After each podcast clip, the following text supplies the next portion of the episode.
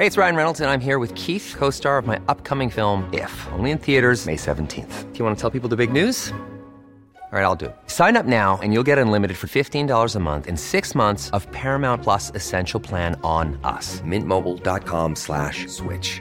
Upfront payment of $45 equivalent to $15 per month. Unlimited over 40 gigabytes per month. Face lower speeds. Videos at 480p. Active Mint customers by 531.24 get six months of Paramount Plus Essential Plan. Auto renews after six months. Offer ends May 31st, 2024. Separate Paramount Plus registration required. Terms and conditions apply if rated PG. When you're ready to pop the question, the last thing you want to do is second guess the ring. At Bluenile.com, you can design a one of a kind ring with the ease and convenience of shopping online. Choose your diamond and setting. When you find the one, you'll get it delivered right to your door. Go to Bluenile.com and use promo code LISTEN to get $50 off your purchase of $500 or more. That's code LISTEN at Bluenile.com for $50 off your purchase. Bluenile.com code LISTEN. Hey, I'm Ryan Reynolds. Recently, I asked Mint Mobile's legal team if big wireless companies are allowed to raise prices due to inflation. They said yes. And then when I asked if raising prices technically violates those onerous two year contracts, they said, What the f are you talking about, you insane Hollywood ass? F- So to recap, we're cutting the price of Mint Unlimited from $30 a month to just $15 a month. Give it a try at mintmobile.com slash switch. $45 upfront for three months plus taxes and fees. Promo for new customers for limited time. Unlimited more than 40 gigabytes per month. Slows. Full terms at mintmobile.com. Even when we're on a budget, we still deserve nice things. Quince is a place to scoop up stunning high-end goods for 50 to 80% less than similar brands. They have buttery soft cashmere sweaters starting at $50, luxurious Italian leather bags, and so much more. Plus, Quince only works with factories that use safe, ethical, and responsible manufacturing. Get the high-end goods you'll love without the high price tag with Quince. Go to quince.com/style for free shipping and 365-day returns. Vi är stolta att meddela att det här avsnittet är sponsrat av Valors Bitcoin Zero och Ethereum Zero. Två stycken produkter som ger exponering mot bitcoin och ethereum på ditt ISK med noll i avgifter. I'm amazed how many people own stocks. They, they would not be able to tell you why they own it. They couldn't say in a minute or less why they own it. Actually, you really press them down, they'd say, the reason I own this is the sucker's going up. There's enough cash in the financial system, and there's an infinite amount of cash at the Federal Reserve, an infinite amount Put of cash. that check in a money market mutual fund, then we'll reinvest the earnings into foreign currency accounts with compounding interest, and it's gone. So they had to do something. All they had left was just to print money and start buying things. And that's what they did. Quick buck artists come and go with every bull market, but the steady players make it through the bear market. They say money can't buy happiness. Look at the fucking smile on my face. Hej och välkommen till ett nytt avsnitt av Market Makers. Du, det är blodrött på börsen och Oscar Properties har fått en polisrazzia mot sig på grund av eh, misstänkt insiderhandling. De har inte varit och knackat på hos dig än Fabian? Inte, faktiskt inte än min kära vän Niklas. Eh, har du gjort några dippköp i Oscar Properties? Nej, Oscar Properties har inte rört det. Jag har varit inne i Evolution förstås ändå. Ska ju tilläggas att det här spelas in den 11 maj och Evolution är ner typ nästan 13-14 procent på grund av eh, lite insideförsäljningar som skedde igår till nästan 10 procents rabatt. Och sen är det en allmän börsfrossa. Så att, ja, det är klart att man har köpt mer av det. Det, det är ju kul om man har fått den här double whammyn och också ägt Kambi. Så har du åkt på en både 13-15 procent nedgång på en dag i både Kambi och Evolution på rätt snabb tid. Härligt, jag jag nämner inga namn, jag nämner inga namn. Men det hade varit kul om det hände någon i podden. Det här är ju risken. Alltså, nu tror jag som sagt att jag har ju köpt Evolution och tror att den ska fortsätta upp på 10 för jag tycker inte att den ser särskilt dyr ut eh, sett till tillväxten. Men det, det är det här som är faran förstås med de som också har väldigt koncentrerade portföljer. Vi pratar ju mycket om det där och det är, kul i uppåtgående marknader att ha en koncentrerad portfölj och man ser ju många nu idag som till och med ibland bara ett enda bolag eller kanske två i bästa fall. De har typ Evolution och Embracer. Det är ju faktiskt så att risk, risk kan ju ske väldigt fort som man säger. Det kan ju också vara som så att du har någon form av, eh, ja men låt säga då insiderhandel som i, i Oscar Properties eller det kan ju vara något annat, man vet ju inte. Evolution kanske ser jättebra ut och sen helt plötsligt kommer det fram att det är ett stort bedrägeri fast allting såg så bra ut innan. Så har det ju varit i många bolag. Nu säger jag inte på något sätt att jag tror att det pågår Revolution, då skulle jag inte ha en position där, men ni förstår vad jag menar, det kan hända oväntade saker som man inte förutsätter och då kan det gå väldigt fort. Så det är därför det, det finns ändå en fördel med, med diversifiering tycker jag, även om i och för sig då nedgången har varit väldigt bred. Ja, absolut, det finns såklart en, eh, speciellt en fördel med att inte sitta på ett bolag som jag tror i, för, för alla, det är alldeles för lite. Det är, du kan kunna bolaget utan och innan, men det kan hända saker du inte kan liksom räkna ut. Det är ju bara hade du suttit på Scandic eller SAS förra året och så kom corona liksom. Ja, jo tjena, det gick jättebra för dem. Ja, det gick inte så jättebra för SAS. Men det är ett exempel. Om det går okej för ett bolag kan någonting komma som du inte alls har förutsett och bara Ja, men verkligen. helt smälla portföljen. Och då ger det till och med bättre diversifiering att åtminstone ha tre eller fyra bolag. Alltså bara den lilla skillnaden gör jättemycket, för då, gör, då är det okej att ett bolag är en scam. Eh, det blir fortfarande en stor smäll, men det blir åtminstone betydligt mindre smäll. Men det är inte det vi ska prata om idag. Eh, men det är ändå intressant att lyfta just när det är lite nedgång och man ser framförallt många på Twitter tycker jag nu som verkar ha till och med kanske vänt till minus för året. Och då, det tycker jag låter lite konstigt. Kanske man kommit in sent eller så, men för övrigt har ju börsen varit upp väldigt, väldigt starkt. Jag tror att jag ligger nästan på något plus 50 procent eller något innan idag. Då. Efter idag så är man ner på 40 kanske eller någonting. Eh, så att det finns ju liksom mycket att ta av. Så det, det, man borde kunna klara av en sån här eh, nedgång kan jag tycka. Ja, i, i, i, inte om man sitter på de här amerikanska techbolagen, för då har man fått smaka på den i år. Ja, det kanske är det som är grejen i och för sig, för jag har ju viktat bort väldigt mycket från, från USA. Jag har nästan bara svenskt i portfölj just nu. Det känns ganska skönt också, slipper man vara vaken på kvällarna. Då kan man bara se det på kontorstid och sen stänga ner det. Men eh, nej, precis, det är faktiskt sant. Ark Investment bland annat är ju verkligen ute i blåsväder. Deras ETF har ju gått fruktansvärt dåligt. Några är väl halverade i princip från toppen. Eh, och det där är ju ett korthus som nog eh, kommer kanske falla inom kort. Och det kan bli väldigt svagt. Det blir ju nästan en systemkris för techbolagen. Jo, verkligen. Och så har man ju sett att han, Bill Wang, va, va, från den här singaporeanska fonden, eh, som Ja, precis. Som det skrevs om här för någon, någon vecka sedan. Jag tar också bort namnet nu. Men de totalkraschade och fick ett antal Ar- miljarder. Arkimedes eller vad hette. Ja, exakt. Han, han var inne och vevade i ark och... Han var med och finansierade deras uppstart, vill jag minnas att. Catherine sa på, eh, på något tv-program. Men jag, jag låter som en, en eh, som jag har hakat upp mig nu, men jag säger återigen att det är inte det vi ska prata om idag. Nej! Däremot ska vi faktiskt prata om eh, lite småbolag i tanken idag. Dels kommer vi bjuda på ett case förstås, och i det här fallet är det bolaget Awardit som jag är jättenyfiken på, för det här har jag tänkt väldigt länge att jag själv ska titta in noggrant på. Många duktiga investerare som, som sitter på det här bolaget som ett topppick. Men så ska vi också göra en liten allmän spaning om småbolag och kanske framförallt egentligen hur man hittar bolag. Alltså vad, hur ska man, vad ska man basera sin stockpicking på? Och här har jag utgått från att jag har lyssnat på ett par eh, intervjuer, podcastintervjuer med, från Affärsvärldens podcast eh, och sett då hur de skiljer sig från varandra lite och eh, ja, lite tankar och reflektioner från det. Ett toppenavsnitt är att vänta alltså. Det hoppas jag. Men oavsett om det är toppenavsnitt eller inte så ska man ju tänka på att det inte är någon rådgivning eller rekommendation. Vi berättar om vår process, hur vi tänker och du ska alltid göra din egen analys och glöm aldrig att alla investeringar är förknippade med risk. Något vi har fått prov på idag. Ja, och vi är idag sponsrade av Valors Bitcoin Zero och Ethereum Zero som inte har några avgifter till skillnad mot många andra bitcoin och ethereum papper och certifikat som finns tillgängliga hos din nätmäklare.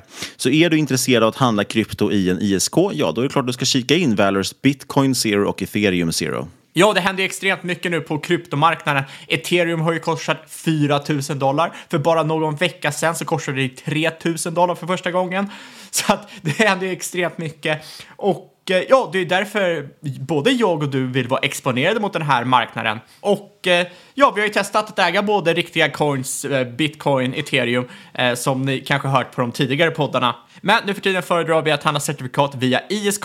Det är extremt smidigt samt att man slipper deklarera varje köp och sälj samt skatta på vinsten, vilket är otroligt jobbigt. Och därför är vi otroligt glada att idag vara sponsrade av Valors Bitcoin Zero och Ethereum Zero. Ja, och dessutom, Valor såg jag här faktiskt på Twitter att eh, de har skickat in ansökan om att eh, starta upp ett gäng fler trackers, vilket är väldigt intressant. De kommer ju verkligen bli en, en marknadsledare på det här tror jag. Eh, och i den listan så har vi bland annat då sett, det. det är ju Ripple, det är Cardano, jag tror att Dogecoin var med där som det har skrivits mycket om. Så att, eh, vi pratar om ett, eh, av var nästan 50 stycken olika kryptovalutor. Sen får vi se vad som går igenom och vad man väljer att lansera och så vidare. Men en väldigt intressant eh, dokument som, som är läckt ut, eller som någon hade fått sina händer på. Eh, Så det kan bli väldigt spännande. Vi säger stort tack till Valor. Detta avsnitt är också sponsrat av Fidelity International och Fidelity International är det internationella investeringsarmen till Fidelity Investment som grundades 1969. Och samma år öppnade de faktiskt sitt Tokyo-kontor och blev därmed den första kapitalförvaltaren att erbjuda en global aktiefond till japanska investerare. Och därför kan man ju definitivt säga att de är rutinerade och erfarna inom Asien. Ja, det är ju som du säger ett fokusområde och har varit det väldigt länge. Och man är idag verksamma i hela Asien och har ett extremt stort utbud av fonder för exponering mot diverse marknader, sektorer och strategier. Det är alltså ett extremt stort fondutbud där man också satsar på att man ska ha den lokala kännedomen som ska ge den här extra edgen. Ja, och är ni intresserade av att kolla in hela Fidelity Internationals utbud som är väldigt stort, då går ni förstås in på deras hemsida fidelity.se eller på någon av de stora plattformarna och försäkringsbolagen. Men kom ihåg att alla investeringar kan både öka och minska i värde. Du kan alltså förlora pengar också på fonder. Viktigt är alltså att läsa prospektet samt KID-dokumentet. Dessutom investeringar på tillväxtmarknader är väldigt intressanta, men de kan vara mer volatila än i utvecklade marknader. Stort tack till Fidelity International! Ja, men då så. Det är ju så här, om man inte hittar content till sin egen podd, vad gör man då? Jo, då går man in och lyssnar i andra poddar och så snor man deras content, eller hur? Ja, joink it, som man brukar säga. Det brukar vara klo klockrent. Man tar någonting, så skriver man om det lite och så, så säger man att det är sitt egna. Nej, men det var faktiskt så här, jag lyssnade på Affärsvärldens podcast, Affärsvärlden Magasin tror jag heter. De har haft en väldigt uppmärksammad bland intervju med eh, Lars Wingefors, vd på Embracer, som har blivit, ja, som sagt, väldigt omtalad och omtyckt. Eh, de hade en intervju nu med en småbolagsförvaltare och tyckte jag det var lite kul här, så då lyssnade jag tillbaka på lite andra avsnitt. Så totalt tre stycken avsnitt eh, som jag har sammanfattat lite grann här. Eh, eller reflekterat lite grann kring, eh, kring med just med småbolagsförvaltare och eh, hur de hittar sina bolag. Jag tycker det kan vara ganska intressant för både oss och för våra lyssnare att, att eh, få lite idéer om hur man hittar bolag. Och den som var först ut det var ju fonden Skagen Fokus som Jonas Edholm rattar.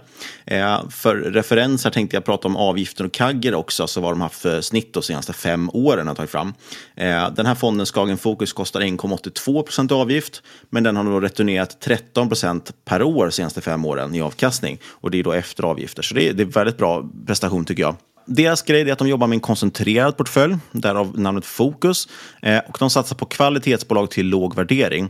Eh, det här är alltså inte nödvändigtvis småbolag, eh, men det var småbolag de pratade om i podden. Eh, och toppinnehav just nu är faktiskt tre stycken kanadensiska miningbolag, ett en sydkoreansk bank och japanska elektroniktillverkaren Hitachi. Ganska kul med investerare som går, ja, det får ändå sägas vara lite udda investeringar som inte kanske gemene man tittar på. Ja, men exakt. Det är ju väldigt annorlunda. Det är ju rätt annorlunda från ja, dels alla som ska sitta och äga Play, Devolution och Embracer, men också väldigt annorlunda från många amerikanska fonder där alla ska sitta på sina Apple och sina Facebooks och och eh, andra rätt kända namn. Men hur, hur kommer de fram till de här bolagen då? Ja, men det här är ju det som liksom kallas klassiskt för värdeinvestering. Eh, de fokuserar alltså på att någonting ska vara billigt och inte då billigt sett till tillväxten, utan det ska vara billigt rakt av. Eh, och hur hittar man någonting billigt? Jo, det gäller att vara ganska opportunistisk, det vill säga leta där ingen annan just nu vill investera. Och för att kunna vara det idag i princip, då måste man leta väldigt brett och globalt, för marknaden är ju inte ganska effektiv. Eh, vi kan se det här bet liksom, beteendet, eller på att säga, den här strategin hos vissa Twitterprofiler. Eh, till exempel Olle89 som har eh, gästat podden tidigare eh, och även Alexander Eliasson som vi försökt få med i podden för övrigt många, många gånger nu. Eh, de investerar också mycket i länder som andra svenska investerare kanske inte skulle tänka tanken att investera i. Och då kan de också hitta saker som andra svenskar inte hittar. Eh, och börsen är ju väldigt mycket flockbeteende. Alltså någonting blir trendigt och då rusar alla till aktierna i kanske en viss bransch eller sektor. Eh, vi har haft gamingbranschen och framförallt förvärvande gamingbolag till exempel på senaste. För att Embracer varit stort, ja då ska alla bolag ställas om till förvärvsbolag och man rusar in i vad som helst. Och det betyder att hela sektorn eller branschen värderas upp, inklusive de sämsta bolagen i sektorn. Och vi är ju av, av meningen att, både du och jag liksom gillar ju tillväxtbolag och vi har inget problem med att det är dyrt ibland och vi kan gilla momentum. Eh, men vi tror ju på att man ska äga de bästa bolagen i branschen och kanske inte de här uppstickarna som bara är, är skräp då rent av. Men det blir alltid så att folk hittar de här, även de som ser ännu billigare ut för att det är ganska dåliga oprövade bolag. Eh, och så att allting värderas upp helt enkelt. Det kommer också ofta in ganska mycket nya bolag på börsen som ska försöka dra nytta av håsen. Eller så brandar gamla knackiga bolag om sig för att ta en del av investerarnas intresse. Eh, och utan, utan att lägga någon värdering i de, hur de här bolagen eh, är så att säga så, så ser vi det här precis i mitt gaming-exempel också. Där till exempel, det var väl Enad Global 7 hette de. de. De hette ju Toadman Interactive en gång i tiden. Eh, man annonserade bland annat den här podden tror jag faktiskt för länge sedan när de gjorde sin IPO. Eh, och det gick väldigt, väldigt dåligt för dem tyvärr eh, över åren. Men nu då brandade de om sig som en förvärvsmaskin istället. Eh, och så har vi haft en del som gjort IPOs och sådär. Eh, och, och som sagt, det, är inga brev, det behöver inte vara något problem med att köpa populära aktier. Både du och jag gillar ju det. Vi kallar oss ju liksom, eller vi tror ju på det här med GARP, alltså Growth at a Reasonable Price. Eh, och vi kommer komma tillbaka till det. Eh, även momentum traders liksom, bryr sig inte om om en aktie är intressant eller är trendig eller inte. Snarare tvärtom, de vill ju se någonting som har trendar uppåt i pris och så försöker de rida med på den vågen. Eh, en GARP-investerare skulle jag påstå tycker att bolagets kvalitet är det viktigaste. Alltså growth at a reasonable price. Det viktigaste är tillväxtdelen och man kan tänka sig att betala en liten högre värdering så länge man äger ett fantastiskt bolag. Exakt, och, och grej, grejen där är ju liksom att många sitter och tänker vad är next, nästa Apple, vad är nästa Facebook, vad är nästa Netflix? Och så försöker de sitta och hitta konkurrenter som kanske har en lägre värdering. Men det kanske finns en anledning till varför de har en lägre värdering och sanningen kanske är att nästa Apple är Apple som man såg kanske 2010, 2011 när det begav sig. Ja, resan är Apple över. Det har ju liksom tiodubblats sedan dess, eller var det gjort femdubblats? Ja, precis. Vi tror ju på det att man kan ju faktiskt hitta ett bolag efter att ha bevisat sig också. Man behöver inte ha den här enorma multipelexpansionen som man kan få när hela marknaden förstår att ett bolag är bra, för att oftast finns det väldigt mycket kvar. Saker tar alltid längre tid än vad man tror, tycker jag. Det finns ju också ett klassiskt citat, bara för att exemplifiera, det finns ett klassiskt citat från Buffett. It's far better to buy a wonderful company at a fair price than a fair company at a wonderful price. Eh, och det här, det här trodde inte han på från början. Från början var ju han en klassisk cigarbutt och värdeinvesterare. Men sen gick han ju över till att inse, tack, mycket tack vare Charlie Munger, eh, hans kollega, så insåg att ja, det är bättre att köpa ett fantastiskt bolag som du kan lita på till ett helt okej okay pris istället för att hitta ett eh, helt okej okay bolag till ett fantastiskt och pris. Tanken bakom det är ju att ett bolag som är kvalitativt och som levererar, det är alltså att de säljer sin produkt, de fortsätter sälja sin produkt och då kommer troligtvis de fortsätta leverera i framtiden snarare än ett skitbolag som kanske är billigare värderat. Då har de rätt mycket att bevisa. Med det sagt så är det alltid viktigt vad du betalar för bolaget. Betal, desto mer du betalar, eh, och då inte i kronor mätt utan i värderingsmått, eh, desto sämre avkastning kommer du få. Precis, och därav det här att man säger ändå fair price. Det ska ändå vara rimligt prisat. Eh, det jag tror man kan få en viss edge i där, det är ju att som sagt, ett bolag, om man har upptäckt och insett att okay, det här är ett kvalitetsbolag, det här kommer liksom fortsätta prestera bra. Det brukar ändå ta mer tid. Har man hyfsat okej okay, liksom informationsflöde så brukar man kunna hitta dem där någorlunda tidigt och, och man vågar tro på dem också och köpa dem när de väl dippar och så vidare. Eh, då kan man faktiskt ändå komma in och göra en ganska bra resa.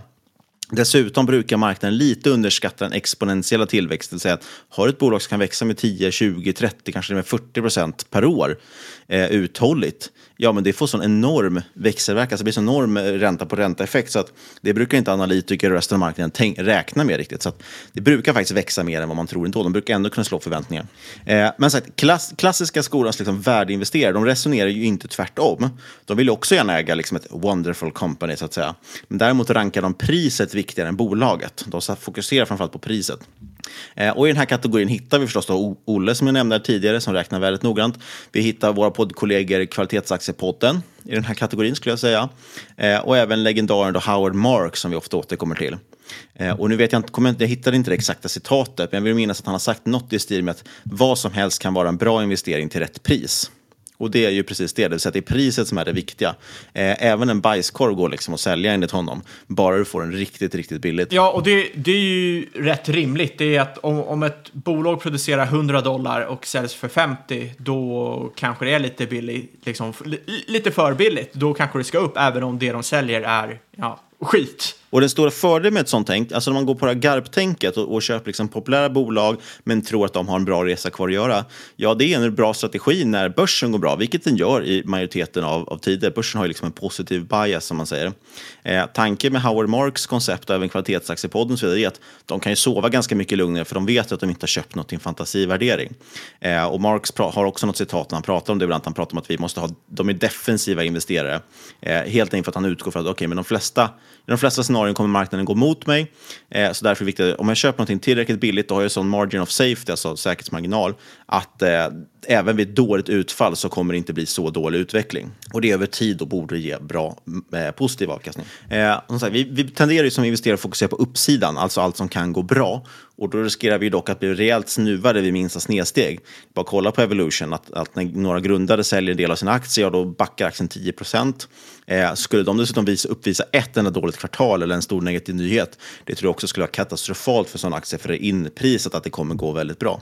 Medan har vi ett stor säkerhetsmarginal, vi har ett, pri, ett, bolag som är värderat till ett billigt pris, ja, då räcker det i princip med att företaget bara överlever och inte liksom går i konkurs, så kommer vi ändå få en hyfsad avkastning. För att avkastningskravet är inräknat i värderingen. Skulle de dessutom lyckas positivt överraska, ja, då kan det bli en enorm uppsida. Det, det är också viktigt att poängtera att liksom, det finns inte en, e-, egentligen inte bara en rak liksom, linje mellan värde och tillväxt. De flesta bolag ligger ju på ett spektrum däremellan. Det, det, det är egentligen jättesvårt att man säger att ah, det här är ett tillväxtbolag, det här är ett värdebolag.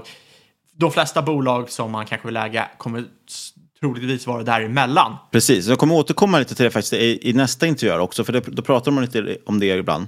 Jag vill bara återigen gå tillbaka till det, just det här med priset på aktien. Jag vet att vi tjatar om det, men alltså det är det viktigaste att förstå med aktier. Det handlar inte om huruvida bolaget bakom aktien går bra eller inte. Det, det talar i och för sig emot allt som vi säger om fundamental analys, men i grund och botten är det inte det handlar om. Utan det viktiga, det är ju inte så svårt att hitta ett bra bolag. Vi måste alltid fokusera på bolagsvärdering. Sen som sagt, det vi pratar om nu, det är att bolagets värdering kan ibland tillåtas vara lite högre om det är ett kvalitetsbolag, lite lägre om det är ett dåligt bolag. Men i slutändan så är det ju värderingen som säger oss någonting om vad marknaden har förväntningar på bolaget. Och om bolag förväntas jättemycket, eller om marknaden förväntas jättemycket av ett bolag, ja, då är det svårt för aktien att, att rusa mycket mer. Eh, därav att många på sociala medier, de skriver ju ofta och undrar, men hur kunde den här favoritaktien jag har, hur kunde den rapport, gå så dåligt när den rapporterade så bra? Jo, men då hade marknaden liksom prisat in bättre siffror än så, men och blev besviken. Eh, och de här förväntningarna från marknaden, den kan man ofta hitta, det brukar kallas för estimat. Eh, man brukar kunna hitta det svart på vitt om bolaget eh, bevakas analytiker. Eh, då vet jag bland annat Börsdata kan redovisa de tjänsterna, de, det om man har eh, premiumtjänsten där. Eh, sen kan det ibland vara så att marknaden har annorlunda förväntningar än analytikernas officiella. Eh, jag pratar med om en, en whisper som finns. Eh, och sen ibland är det faktiskt så med bolag också bara att det är att på rapportdagen så brukar aktien omsättas ännu mer än vanligt, alltså det är god likviditet. Och då kan det ibland vara någon stor säljare som kommer in och nyttjar den här rapportdagen till att kränga ut sina aktier eh, för att de då får ett bättre pris på dem. Så att, ibland har man sett det också, att eh, ett bolag faller ganska mycket på en bra rapport och sen återhämtar det under dagen för någon har nyttjat liksom, flöd, äh, eh, omsättningen till att få sälja ut aktier. Eh, och det kan bli ganska bra köpläge i sådana fall. Sen tyckte jag lite kul, Marx pratar ibland om att eh, investerande är en popularitetstävling och att det farligaste man kan göra enligt honom är att köpa någonting när det är på liksom piken av popularitet. Och kanske där evolution ligger, det är väl det som är farliga. Men, men han menar på att det är så just för att allting positivt om bolaget redan är inprisat, alla är redan positiva. Och frågan är då vad är det för nya köpare som ska dyka upp? Exakt. Och det här funkar ju så att blir en aktie populär då strömmar in nya köpare, aktien värderas upp. Så du får alltså multipel expansion, uppgång i värderingen snarare än att fundamenta driver uppgången. Ja, men... Och det är jättekul att vara med om en sån sak, men det är närmast omöjligt att förutspå och vara ju aldrig för evigt. Ja, e- exakt. Och då, man måste ju alltid ta en tänkare en eller två gånger på jag menar, varför man ska äga det här bolaget. För att ja, även om det är ett kvalitativt bolag vad vet du som liksom marknaden inte vet? För att det gäller inte bara att bolaget ska gå bra om du vill överavkasta marknaden. Det gäller ju att du tror att det går bättre än vad som redan är prissatt i, i kursen. För att om det, om det redan är prissatt, då kommer du liksom inte ha någon eh, överavkastning. Nej, och i det kortsiktiga så är det ju en marknad vi pratar om, så det finns ju köpare och säljare och det måste finnas fler köpare, eller åtminstone köpare som är villiga att betala ett högre pris än igår för att aktien ska gå upp. Eh, och, och, det är därför det blir knepigt med en uppgång som drivs bara av värdering och inte fundamenta, för till slut då finns det inte fler köpare. Och aktien har stigit så mycket att de tidigare ägarna, de kanske väljer att casha hem lite, lite vinst. Eh, och då blir de helt plötsligt säljare och då tappar man snabbt i pris. Prisnedgången blir självförstärkande, precis som att vi har momentum på uppsidan så har vi det på nedsidan. Eh, för de som har kommit in sent eller bara ryggat någon profil på Twitter eller någonting, ja, de börjar ju sälja för de blir rädda och vet inte varför de ägde bolaget från första början. Eh, och får man riktigt bra fall, ja då börjar till slut de här hävstångsprodukterna knockas ut också, alltså tvångsförsäljas och då, får man ett rejält momentum neråt. Men den här strategin då med att köpa billigt som de håller på med i Skagen Fokus, det låter ju jätterimligt och bra, men vad är haken med det då? Ja, det är ju att marknaden är ju relativt effektiv, alltså det är svårt att hitta någonting som verkligen är lågt värderat eftersom alla kan screena fram bolag på till exempel P tal och sådär. Eh, och oftast finns det en bra anledning till varför någonting är billigt och varför någonting är dyrt. Eller förlåt, ser billigt ut och varför någonting är, ser dyrt ut. Ett kvalitetsbolag ser ofta dyrt ut för att man vet att det kommer växa mycket.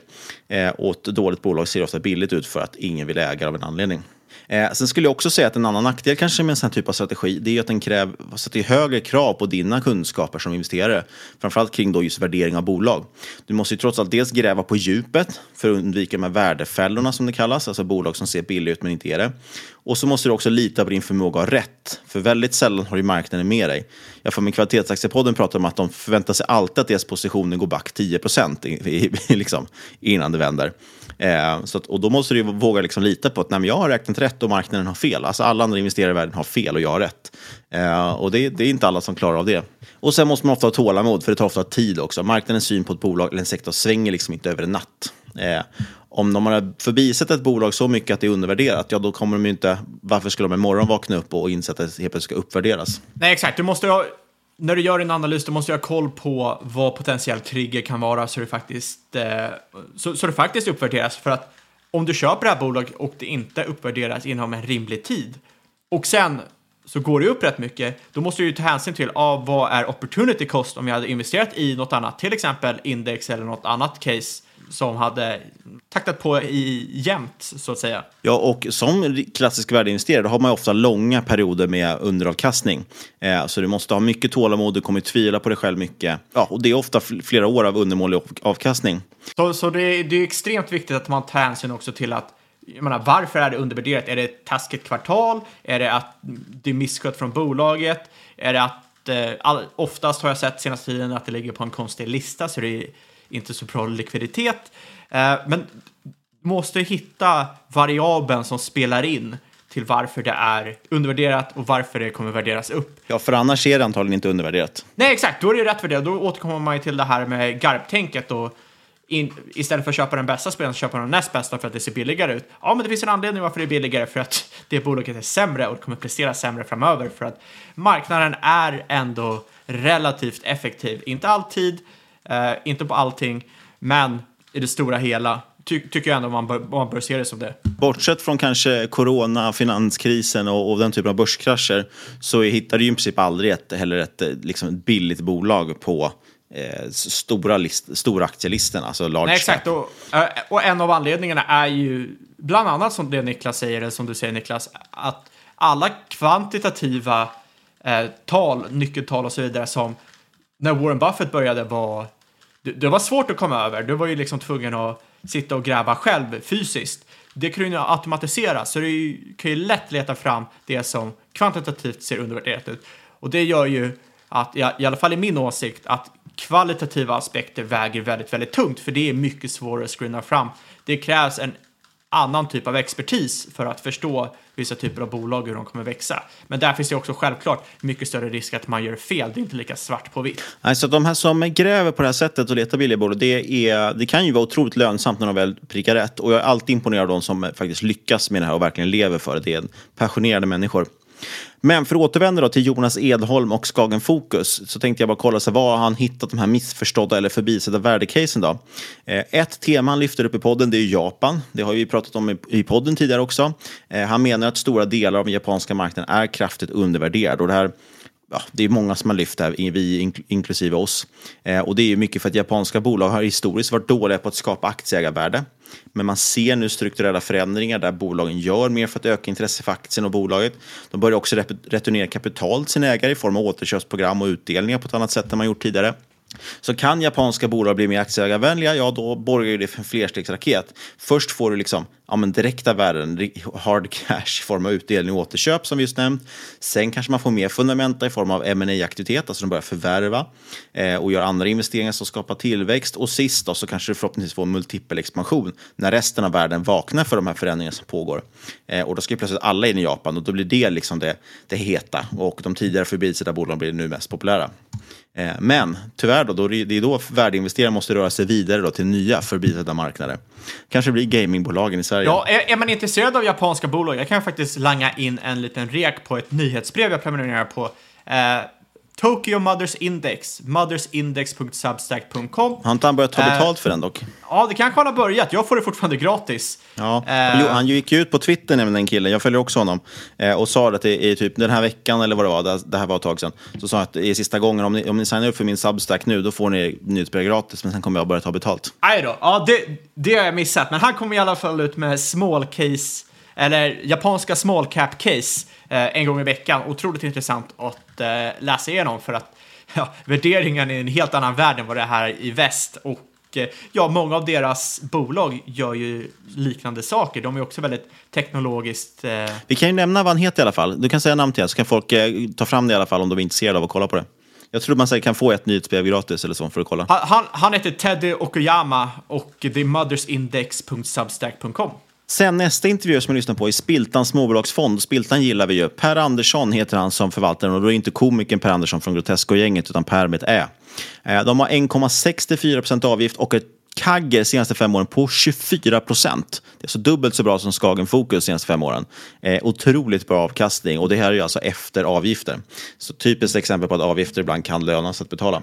Eh, och det här är ju en uttalad småbolagsfond och en anledning till att den har gått bra tror jag senaste åren är för att den är en GARP-fond egentligen. Han gillar tillväxt till rimliga värderingar. Ja, och där ser ni tillväxt är bättre än värde. Där ja, det är svart på vitt. ja, exakt. Svart på vitt, skit i värde.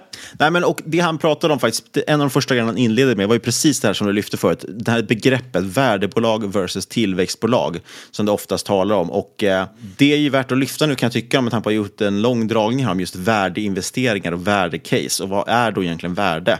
Ja, det blir ju lite förvirrande där, för rent krasst är ett Alltså ett bolags funktion är att generera värde till sina aktieägare. Och värde är ju pengar på något sätt. Eh, därav att vi kallar det aktieägarvärde, då, det som ska genereras. Och det kan ju generera värde genom att gå med vinst eh, och därmed generera fritt kassaflöde. Eh, men vi kan lämna det här med fritt kassaflöde åt sidan så länge det blir förvirrare. Vi, vi, pratar om, vi utgår från att vinsten och fria kassaflödet går hand i hand. Då, det brukar de ofta göra. Eh, så bolaget alltså ska ha större intäkter än kostnader ett år och då har man gjort en vinst för det året. Eh, då är det upp till aktieägarna att bestämma vad man ska göra med vinsten. Ska den betalas ut i form av utdelning? Ja, då får vi avkastning den vägen. Eller så kan man då spara den här vinsten, investera i något och förhoppningsvis då generera ännu större värde nästa år eller större vinst. Det är det egentligen allting handlar om i slutändan. E exakt, och jag tror att många investerare, speciellt retail-investerare, de målar in sig lite väl i ett hörn. Och jag, jag, förstår fullständigt varför vissa investerare föredrar till exempel att leta efter bolag som är undervärderade i form av att marknaden undervärderar kassaflödena som de genererar. Det är ju väldigt svart på vitt. Man ser att ja, de här kassaflödena ska troligtvis vara värderade till det här. Då har du margin of safety och du kan räkna ut rätt exakt vad eh, uppsidan bör vara. Men, men, men, men det gör ju inte att det är ett värdecase så att säga om marknaden undervärderar tillväxtscenariot i ett bolag, till exempel ett GARP-bolag, för att det genererar ju också värde. Så jag tror att väldigt många är alldeles för snäva i sin definition och det liksom begränsar dem själva som investerare. Men precis, och det är därför då, så att en värdeinvesterare det är alltså någon som vill investera i ett bolag som genererar värde för sina aktieägare. Ett bolag som gör vinst alltså, eller genererar kassaflöde. Eh, och då blir det ganska tydligt varför värde versus tillväxt blir jättetokigt eftersom det är uppenbart att definitionen av ett tillväxtbolag, ja det är ett bolag som växer och därmed ökar värdet varje år. Det är alltså ett bolag som satsar på att växa sitt värde. Eh, men så det har blivit så här, det, det, man får bara leva med att det är så att man pratar ofta om värdeinvestering eller värdecase, så pratar man om någonting som är lågt värderat idag till det de genererar idag. Medan tillväxtbolag fokuserar mer på framtiden. Så det är väl det som kanske kan sägas i skillnaden. Eh, så att värde att investera behöver egentligen inte vara att man köper tråkiga bolag som inte visar tillväxt. Utan att man fokuserar på priset som man betalar för värdet. Och, återigen Buffett, då, pris är vad du betalar, värde vad du får. Eh, och kvalitetsaktiepodden som vi nämnde tidigare, de är ju värdeinvesterare in i benmärgen. Men de har ju också krav på tillväxt. Eh, jag får med deras krav på tillväxt är att bolaget ska växa då liksom, eh, 10% per år i alla fall, eh, sin vinst. Och har gjort det gärna historiskt. Så jag menar, det blir ganska mycket tillväxt över tid. Ja, så det är ju egentligen slutändan, tillväxtinvesterare är också värdeinvesterare. Men anledningen till att man trots det gör skillnad när man pratar om värdebolag och tillväxtbolag, det är väl till viss del för att exemplifiera hur mycket marknaden blickar framåt och hur optimistisk man är eh, jämfört med perioder när man är mer negativ. Då. För det som klassas som värdebolag i liksom de här traditionella indexen, så, det är det som handlas till låga multiplar. De har ofta låg eller ingen tillväxt alls, men gör vinst. Så du kan ofta screena fram låga, multiplar, eller låga P tal till exempel. Medan tillväxtbolagen ofta är bolag med höga multiplar och ibland ingen vinst alls eftersom bolaget är optimerat för att generera så maximal tillväxt som möjligt. Och därmed kräver att man tar stora kostnader. Så det, man fokuserar på tillväxt för lönsamhet. Så det är den här klassiska definitionen i alla fall. Eh, men vi då, och även Per på Spiltan småbolagsfront, vi tror ju på tillväxt och värde. Vi vill alltså ha bolag som växer bra men som köps till ett rimligt pris. Och det behöver inte vara fantastiskt billigt utan det ska vara rimligt. Och som jag sa där, Buffett, han började ju som liksom en som letade efter låga priser. Eh, något som han var inspirerad av från sin mentor Benjamin Graham, värdeinvesteringens fader. Eh, men med åren då så ändrade Buffett filosofi, mycket tack vare hans parest Charlie Munger som sagt. Eh, och då blev han mer den här Buffett som vi känner idag, som kläckte ur sig det här tidigare nämnda citatet om att it's far better to buy a wonderful company at a fair price och så vidare. Eh, men en annan som förespråkar tankesättet det är Peter Lynch, en annan favorit hos oss. Och det är han som myntade uttrycket med GARP, alltså growth at a reasonable price. Eh, och man ser den här skillnaden i filosofi också på skillnaden i innehav mellan Skagen Fokus och Spilta småbolagsfond. Skagen har ju då lite mer obskyra bolag, om man får säga så, eh, från helt andra världsdelar, medan Spiltan småbolagsfond har välkända bolag. De äger Fortnox, de äger Mips, Thule och så vidare. Och alla tre av dem är populära snabbväxare, helt klart mer utmanande sett till värdering om man jämför med Skagens sydkoreanska bank. Eh, Thule i den här trion är billigast, de har P 30 det skulle kvalitetsaktiepodden inte ens röra vid. Eh, Fortnox och Mips de pushar 140 ungefär i PE. Eh, så det är liksom ganska dyrt. Då. Men de är å andra sidan snabbväxande. Fortnox de växte vinsten på rullande 12 månader över 50 procent. Eh, det kan man se på det här PEG-talet som är en favorit bland GARP-investerare. Man tar alltså P-talet och delar på G och G står för growth eller vinsttillväxt. Så Fortnox har P 140 men 50% vinsttillväxt och det är alltså ett, P då, eller ett PEG-tal på 140 genom 50, alltså 2,8 i PEG. Eh, Peter Lynch brukar prata om att typ PEG 1,5 är fair value någonstans och allt under det är billigt. Eh, men man kan då kanske argumentera för att en uthållig liksom, tillväxtaktie som Fortnox, som i så många år levererat otrolig tillväxt, i princip oavbrutet, ja, de kanske ska förtjäna en viss premievärdering. Eh, men vi kommer i alla fall tillbaka till det här med att det finns högre förväntningar på Fortnox. Man förväntar sig alltså att de ska växa fortsatt väldigt länge. Eh, och vad händer då om de inte gör det? Ja, då kommer den ju straffas enormt, den aktien. Eh, men å andra sidan är det många som har liksom tvivlat på det här bolaget över tid, när man har gång på gång överbevisat marknaden hur mycket man kan växa och att man gör det trots att det är lågkonjunktur, det är pandemier, rekordmånga konkurser bland småföretagare och så vidare. Och hårdnande konkurrens inte minst. Eh, men sen bytte man till exempel vd nyligen, eh, eller det är något år sedan åtminstone i alla fall. Och då ändrade man strategi och riktning också lite grann. Från tillväxt som största fokus till mer tekniskt fokuserad vd.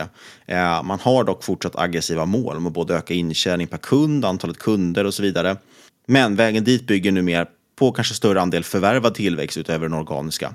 Till exempel förvärvar man Offerta här nyligen som både ger många nya potentiella kunder men också goda integrationsmöjligheter för att kunderna ska köpa mer tjänster via Fortnox. Så att kanske ska det där börja värderas mer och mer som ett värdebolag då kanske på något sätt. Men ja, det är fortfarande sett som ett tillväxtbolag och de har varit duktiga på att upprätthålla det. Sista intervjun då, det var Enter småbolagsfond som John Hyltner eh, rattar. 1,78 i avgift. De har 29% femårskaggar. Otroligt bra prestation också. Eh, och det här är en fokus hållbar småbolagsfond. Äger bland annat Embracer, S-Diptech och även Bygghemma. Han pratar också en del om den här problematiken med diskussionen värde versus tillväxt. Eh, och lyfter också framförallt vad problemet med att jaga så kallade värdebolag. Då. Eh, det svåra i att lyckas med det enligt John, eh, det är ju att, eller Jon kanske heter, ursäkta mig. Eh, Jon, det är ju att man måste lyckas med ganska många saker. För du måste först hitta bolaget, vilket är svårt eftersom marknaden som sagt brukar värdera saker hyfsat fair. Sen måste du köpa det när det är billigt, så det är en timingfråga. Eh, inte att du så mycket måste tajma det, men måste hitta det i rätt tillfälle. Sen måste du invänta uppvärderingen, om den ens kommer. Och sen ska du tajma eh, säljet också förstås. Och sälja när det har blivit dyrt. Eh, så det är många saker du ska liksom lyckas med. Eh, men å andra sidan kan man ju argumentera då som Howard Marks att ja, det är fortfarande mindre riskfyllt om du har köpt någonting som är billigt. Du behöver inte göra allt rätt för att tjäna pengar om du verkligen har köpt det till ett bra pris. Ja, jag, jag, jag ser en trend här på de här eh, tillväxtinvesterarna som måste förklara varför de investerar tillväxt. Känns lite mindervärdeskomplex, lite finare än att vara värdeinvesterare kanske. Det är det absolut. I alla fall klassiskt sett. Um, det är det ju också, för jag, jag inbillar mig att jag tror att värdeinvesterare anstränger sig mycket, mycket mer för det de gör. Därav att jag imponeras av att de orkar. Absolut, men jag tror, att, jag tror att det är viktigt att tänka på också att för många är det också, det är en personlighetsgrej. Vissa har inte... Det är bara det. Mm. Exakt, det, är, det, det är vad du tycker om att eh, liksom för, för i slutändan handlar det om, för att du ska få en edge eller för att du ska förstå någonting så handlar det om att du ska dedikera tid och läsa om saker. Vissa människor de gillar att gräva i vad är det fel här, de vill förstå den pusselbiten. Och vissa som kanske är mera tillväxtfokuserade, inte ens GARP, utan de vill ha de här PS50-bolagen i portföljen, då kanske de är mycket mer fokuserade på att tänka på framtiden. De vill se framtiden, förstå vad som händer i framtiden, lägga den pusselbiten. Och de skulle inte nödvändigtvis kunna byta plats. Även om du skulle säga att ah, du kanske får en bättre riskjusterad avkastning om du handlar värde. Det skulle inte finnas hos dem, för de hade inte kunnat sätta sig in där, lägga den tiden, ha det förståendet. Så att det är en väldigt stor och en del andra föredrar liksom teknisk analys eller vad den kan vara för att det passar deras personlighet. Så det gäller, som sagt, det gäller att hitta det som passar en själv. Därav att det finns lika många investeringsstrategier som det finns investerare. Du måste hitta det som passar dig. Dels som du säger för att orka lägga tiden, men också för att det ska vara någonting som du liksom trivs med. För att det, alla strategier har ju motgångar, alltså tiden när det går dåligt. Och det är då det gäller, det är egentligen där det avgörs, vem som orkar att hålla igenom perioden och hantera dem på rätt sätt. Eh, är du inte intresserad av, av tillväxtbolag till exempel och förstår vad du har köpt, ja, då kommer ju du sälja ut allting när det går dåligt och då kanske missa den här uppgången som kommer igen. Så att man måste hitta det som passar en själv. Ja, det är bara att kolla nu på meme investing. Det har ju gått skitdåligt senaste dagen. Jag menar förra veckan eller förra månaden när Elon Musk mimade ut att Dogecoin skulle upp till månen. Ja, då gick det ju 100%. Och så nu när han var på SNL så kraschade det 30%. Du är ingen strategi är säker. Nej, det är bara slump egentligen. Eh, så att, nej, så här, man gäller att hitta sin strategi och Jon och Enter småbolagsfond, de har ju valt den här GARP-vägen. Så Jon vill ha små bolag som växer snabbare än den övriga marknaden över lång tid. Så kallade compounders. Och det här är ju intressant att prata om. Compounders är ju faktiskt ett stort begrepp som vi inte, det har vi inte berört så mycket i podden egentligen. Det kommer väl egentligen från det här med compounding interest, eller samma grund, alltså ränta på ränta. Eh, om, du vågar liksom vara ett långsikt, om du vågar vara långsiktigt i ett bolag som växer snabbare än marknaden över lång tid, ja, då får du ju ränta på ränta-effekt och den, den får liksom sin chans att visa sin otroliga kraft. Exakt, och den effekten är ju exponentiell och det är det många missar med ränta på ränta. Exakt. Så Eh, Eftersom man oftast har ett räkneexempel som börjar väldigt litet så förstår man inte den exponentiella effekten som också inte är intuitiv hos människan. Precis, och det var det jag lite var inne på tidigare, att det kan vara okej att betala ett rimligt pris för någonting som växer, ett bolag som kan upprätthålla hög tillväxt över tid, för att många underskattar den tillväxten. För att vi har lätt att tänka linjärt, men inte exponentiellt. Och den här explosiva utvecklingen eh, gör att det kan faktiskt vara rimligt att betala ett pris som till och med ser dyrt ut för idag, för ett sådant bolag, för det växer så snabbt in i värderingen. Så här måste man själv då in och räkna lite grann också och fundera lite. Det räcker inte bara att köpa något som växer snabbt, du måste också räkna lite på det. Definitionen för utav compounders, eh, jag hittade en bra artikel av investmentbanken Morgan Stanley eh, som skrev just om compounders. Och då sa ju de egentligen att We define compounders as companies with high quality, franchise businesses ideally with recurring revenues, built on dominant and durable intangible assets, which possess pricing power and low capital intensity. Och för att bryta ner det här lite, vi börjar ju med att det är bolag med hög kvalitet, gärna med återkommande intäkter, till exempel SAS-bolag som vi pratar mycket om. De ska ha dominanta och hållbara immateriella tillgångar. Och det där sista kan låta lite konstigt, men det är ju egentligen det här man syftar på när man pratar om eh, moats, som Buffett pratar om, alltså vallgravar på svenska. Någonting som gör att bolaget kan försvara, eller kanske till och med växa sin ställning på marknaden. Eh, det kan se väldigt olika ut i olika bolag. Coca-Cola, de har sin branding. Eh, folk kommer dricka, och sitt recept också, men folk kommer dricka Coca-Cola oavsett om Pepsi är billigare eller inte. Evolution, de har de mest underhållande och tekniskt avancerade kasinospelen. Google är så synonymt med att söka att Google har blivit verb. Det är liksom den starkaste vallgrav man kan ha i världen. Och de här immateriella tillgångarna då, de kan se väldigt olika ut, de är svåra att mäta, men det är det som enligt Morgan Stanley då, ger pricing power. Eh, vi fortsätter köpa cigaretter även om de höjer priset på dem för att man är beroende av cigaretter.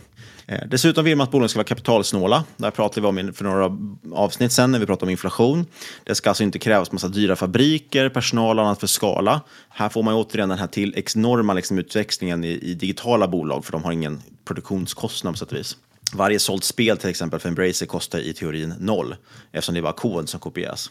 Eh, och trots det så betalar kunderna många hundralappar för att få kopiera den här koden och går till och med med på prishöjningar med några års mellanrum. Eh, så att, för, för det är också, det är inte bara liksom det där, att det, det, det blir en utväxling i lönsamhet, men det är också så att materiella tillgångar, ja, förutom att de är dyra, de är också lättare att kopiera för konkurrenter. Jag menar, ett fastighetsbolag har ju i princip inga moats överhuvudtaget. För den enda tillgången de har är deras fastigheter. Vem som helst kan köpa deras fastighet och så har de inte någon liksom, moat längre. Och för att växa, ja, det, då måste de köpa fler fastigheter och då konkurrerar de med en massa andra om att köpa dem. Och försöker de höja priserna, ja då riskerar de ju att kunderna bara flyttar till, till grannbostaden istället. Eh, så att vem som helst kan egentligen köpa en fastighet och hyra ut den. Vallgraven är väldigt grund, om inte obefintlig. Då är frågan hur man hittar de här bolagen då. Och bortsett från de här mjuka värdena, alltså de kvalitativa sakerna som vi diskuterade, så skrev även Morgan Stanley att en av liksom nyckelfaktorerna för att hitta compounders, det är att de har ofta en lång eh, historik med hög ROIC, alltså Return on Invested Capital, eller avkastning på investerat kapital. Och det här har vi också lyft tidigare eh, eftersom det är eh, Warren Buffetts favoritnyckeltal, säger han. Och man kan med fördel till exempel besöka börsdata.se och använda deras fenomenala screener för att hitta bolag med hög ROIC. Eh, och då skulle man även kunna lägga till lite andra parametrar, typ hyfsad genomsnittlig vinsttillväxt de senaste åren, goda bruttomarginaler, nettokassa, alltså negativ nettoskuld mäter man det med. Eh, och det, bara en sån liten enkel screening vaskar fram ganska mycket intressanta kandidater eh, när det gäller kvalitetsbolag. Eh, enda problemet med compounders, det är ju att som med de flesta tillväxtbolagen, det är väldigt svårt att eh, förutse. Du måste ju ta ett bett och det bettet mot... Ja, det här låter jättedumt när, efter jag tänker på det jag sagt. För alla investeringar är ju ett bett och gör ett dåligt bett så får du ingen bra avkastning. Men det, det, det kan kännas lättare var, än vad det egentligen är.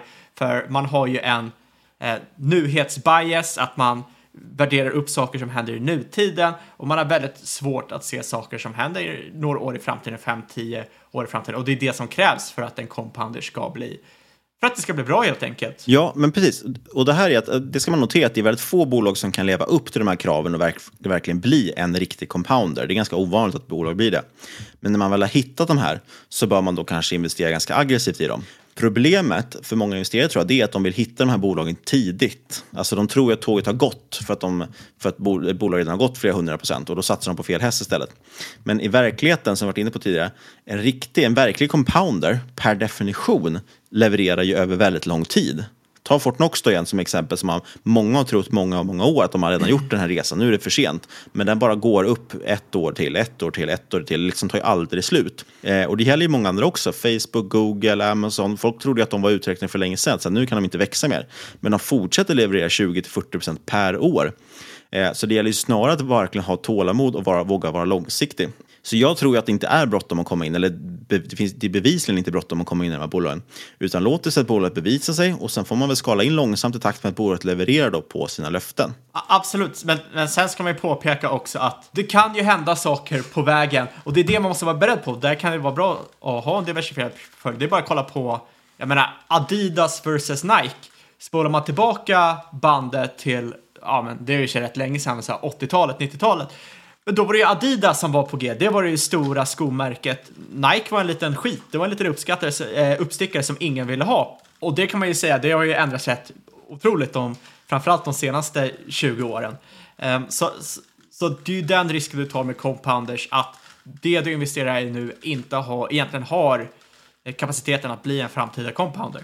Precis, så man, man måste ju liksom hitta det. Men jag tror som sagt att man kan, om man diversifierar så kan det gå ganska bra. Då kan, har man råd att ha lite fel ibland också. Eh, men så att det har ju varit tusentals exempel. Jag själv ignorerade både Fortnox och Evolution Gaming till exempel länge innan man till slut förstod storheten i det. Och de har ju gått väldigt bra sedan dess ändå. Så att eh, oftast finns det mycket mer kvar än vad man tror med bolagen. Ja, jag, jag kikade eh, avslut... på det här om, här om eh, veckan första gången vi nämnde Evolution har jag för mig var när Magnus Andersson var med i podden första gången 2018. Sen dess är det en 10-bagger, så det lönar sig ibland att hoppa på de här compoundersen.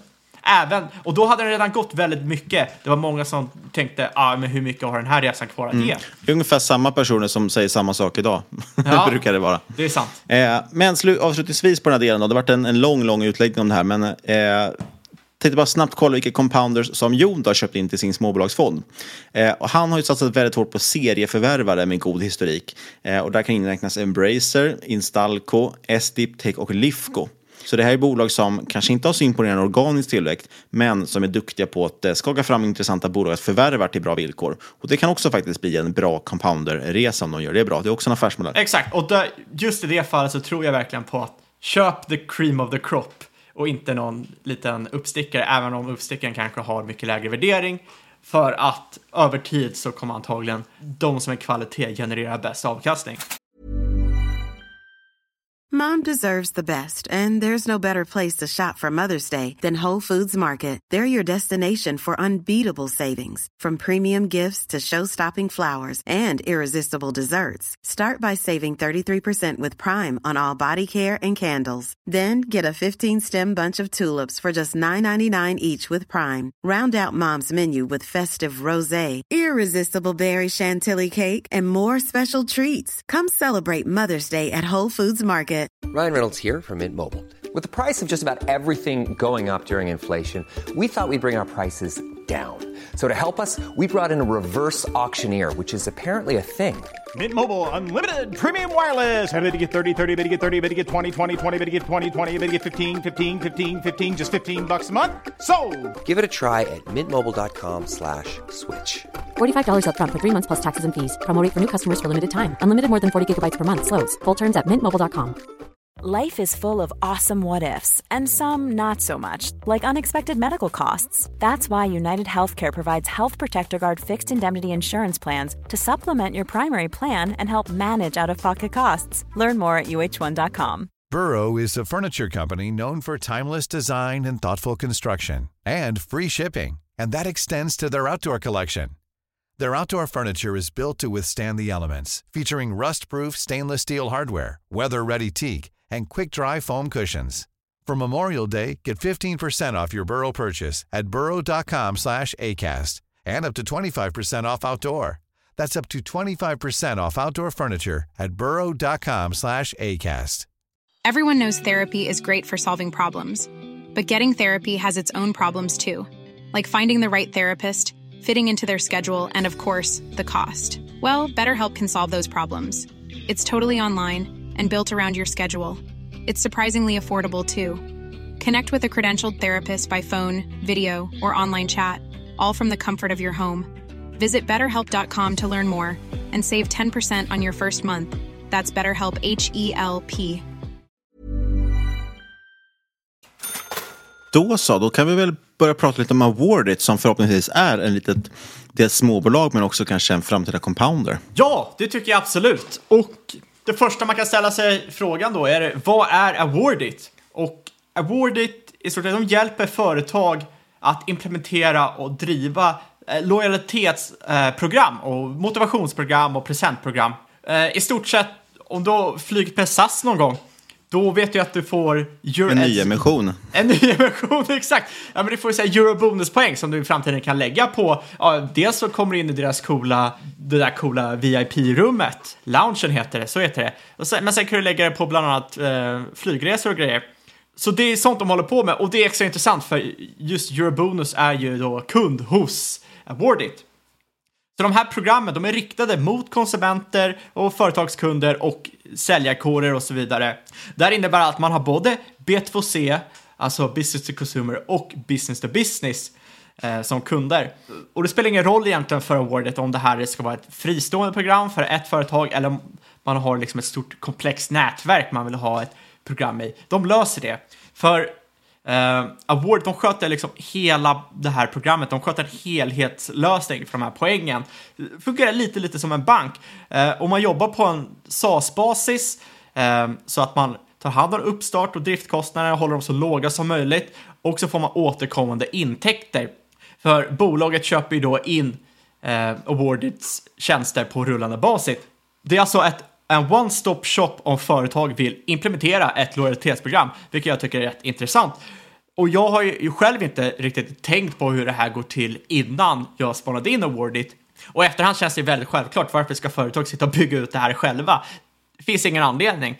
Men väldigt Nej, det är företag... nog ganska, ganska mycket mer komplext än man kan tro. Alltså just att bygga upp det på ett sätt så att man inte skadar sina marginaler för mycket och så.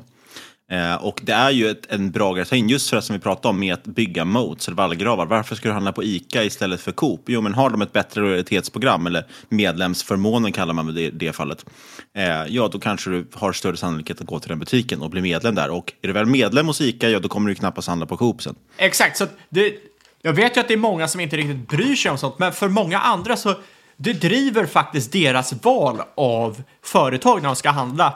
Det är många till exempel som ska kirra ett kreditkort. Då sitter de och kollar på ja, vad får man för förmåner, vilka har bäst cashback och så vidare. För då de här bolagen, då är det Awardit som kan implementera det hos dem eh, och, jag, jag, jag, och driver den här businessen. Så man driver sin egna omsättning då genom att eh, dels försäljning av produkter från de här lojalitetsprogrammen, implementera lojalitetsprogrammen eh, få lite provisioner här. Sen har man ju också sin consulting där man hjälper till att implementationen ska gå så eh, friktionsfritt som möjligt för att man ska maximera värdet som bolaget får ut av det här programmet. Och det här är såklart anpass efter kund och eh, hur stor kunden är till exempel och programmets omfattning, hur stort, hur komplext det här programmet är. Och, och det där är ju ganska vanligt hos många SaaS-bolag och så, att de ofta har en konsultdel för att hjälpa igång med tjänsterna. Exakt, men det är, jag tycker det är viktigt att poängtera att det här är ett, ja, det är ett, SaaS, det är ett SaaS-bolag som sysslar med lojalitetspoäng.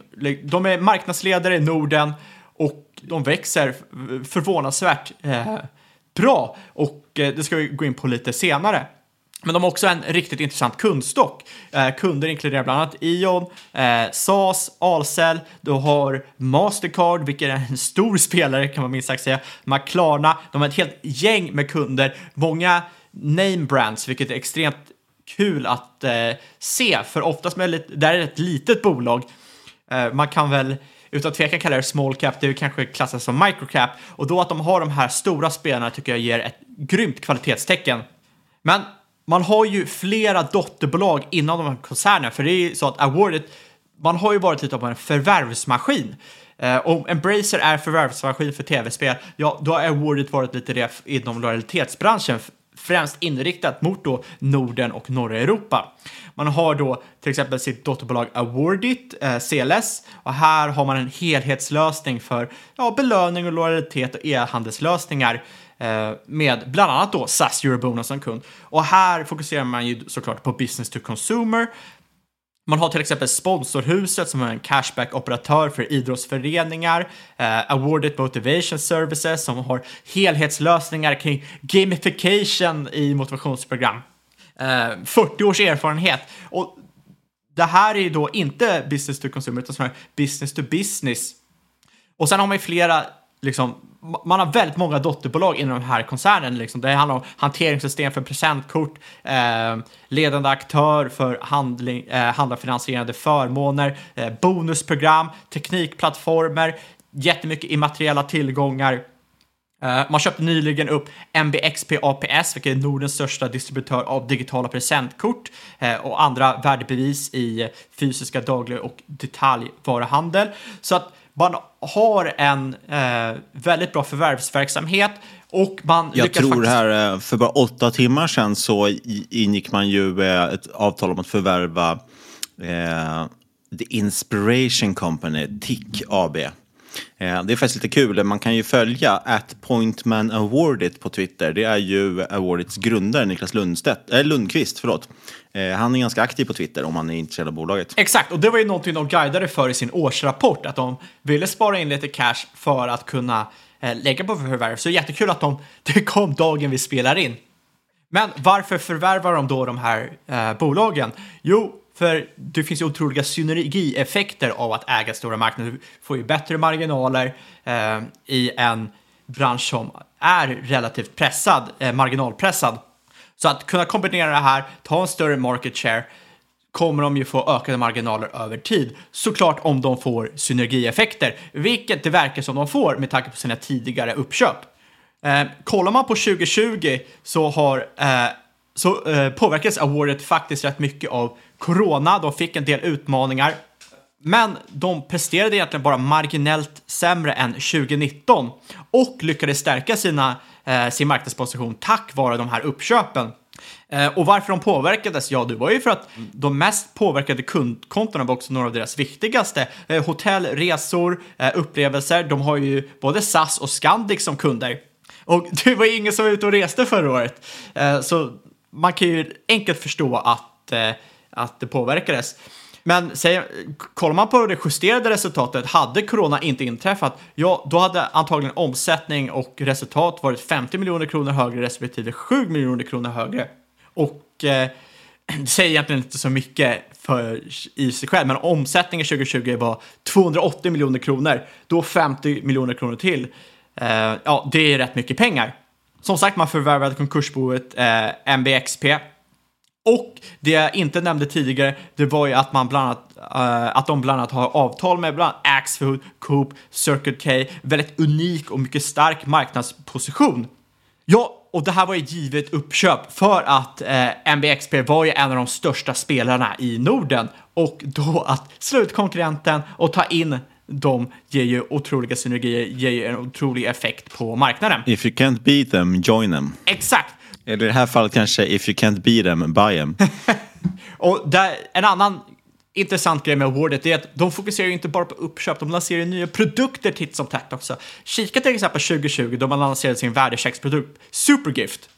Från då mitten 2020 till slutet av året så sålde man för 37 miljoner kronor med noll i marknadsföringskostnader. Det är alltså väldigt bra marginaler för den här produkten. Det är alltså, drar man ut det på helåret är det 70 miljoner kronor ungefär. Det är rätt mycket pengar för eh, ett bolag som omsatte 280 miljoner kronor 2020.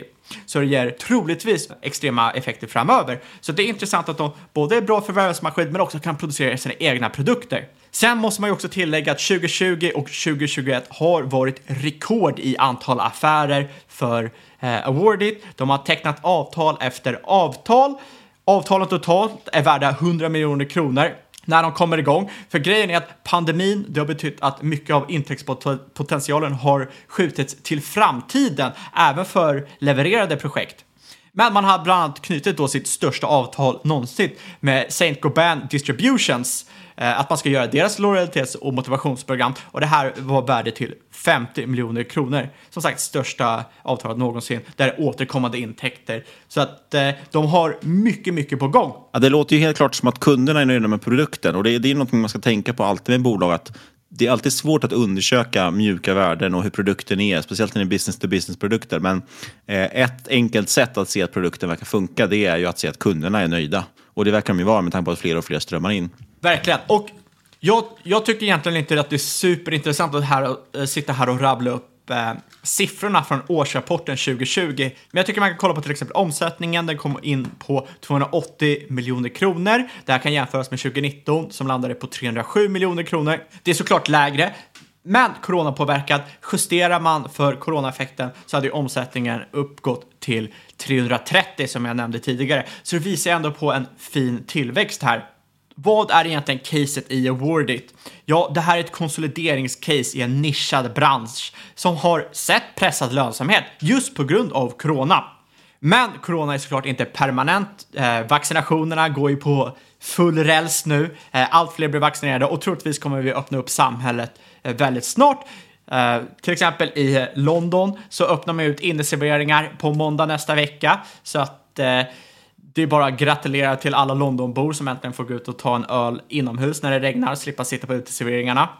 Uh, men varför ska man tänka på det här då? Jo, för att kollar man till exempel på, på börsdata rakt av så ser ju bolagen rätt dyrt ut. Eh, eftersom såklart börsdata bara visar de faktiskt rapporterade siffrorna. Det är det som alltid har eh, fått mig att bli lite avskräckt från bolaget och så har jag inte tittat närmare på det. Exakt, för då justerar man inte för vad det verkliga scenariot hände. Corona var ju liksom en one-off. Det är inte något som kommer ha effekter i all framtid. Det kom, de effekterna kommer avta framöver. Så man måste egentligen justera det här och då ligger till exempel ev-ebita på cirka 12, vilket är typ hälften av vad man egentligen kan tro eh, utifrån 2020 siffror.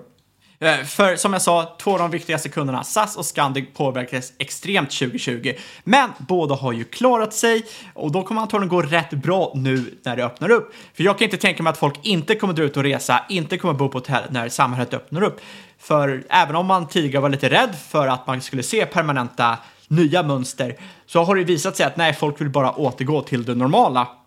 Jag tycker verkligen man ska trycka på att Awardits förvärvsstrategi har fungerat lysande hittills. Man har köpt upp konkurrenter väldigt billigt i snitt. Snitt price to sales har legat strax över 1 och de här bolagen växer cirka 20% per år. Det hittar du inte på börsen till exempel, ett sånt eh, bra bolag i Norden.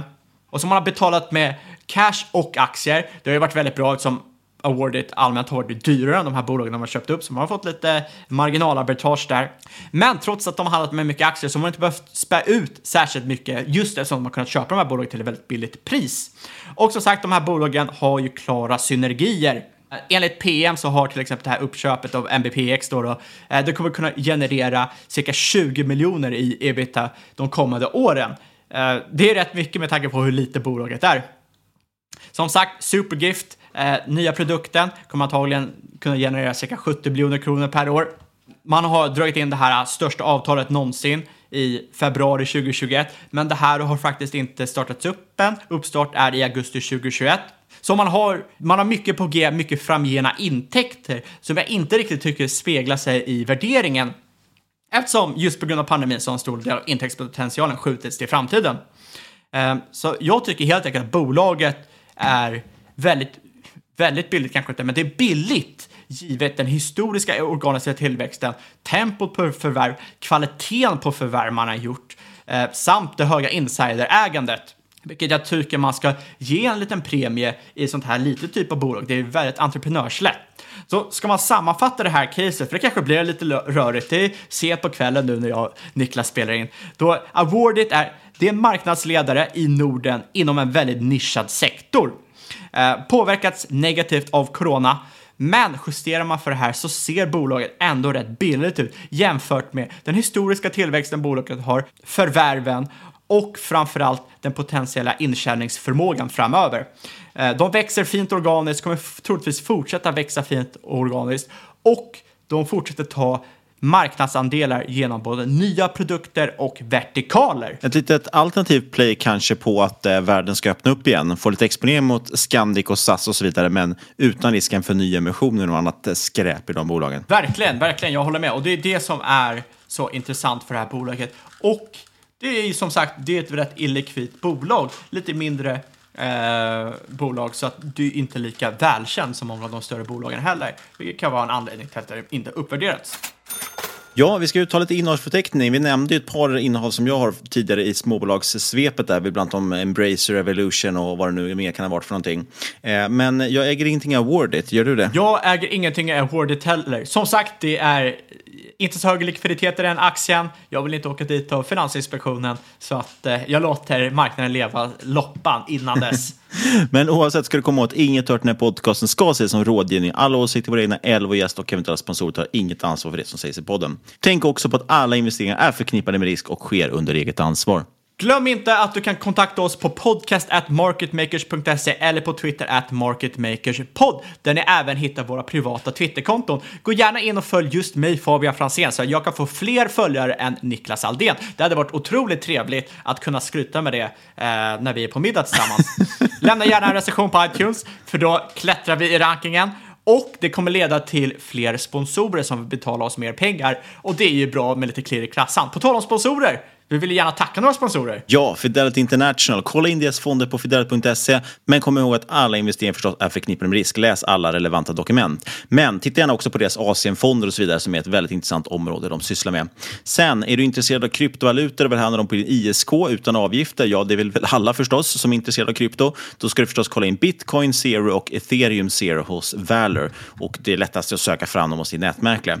Men samma sak gäller där. Det finns stora risker i de här volatila instrumenten och eh, läs läs alla relevanta dokument innan du investerar. Sist men absolut inte minst kära lyssnare, tack för att just du har lyssnat. Vi hörs igen om en vecka.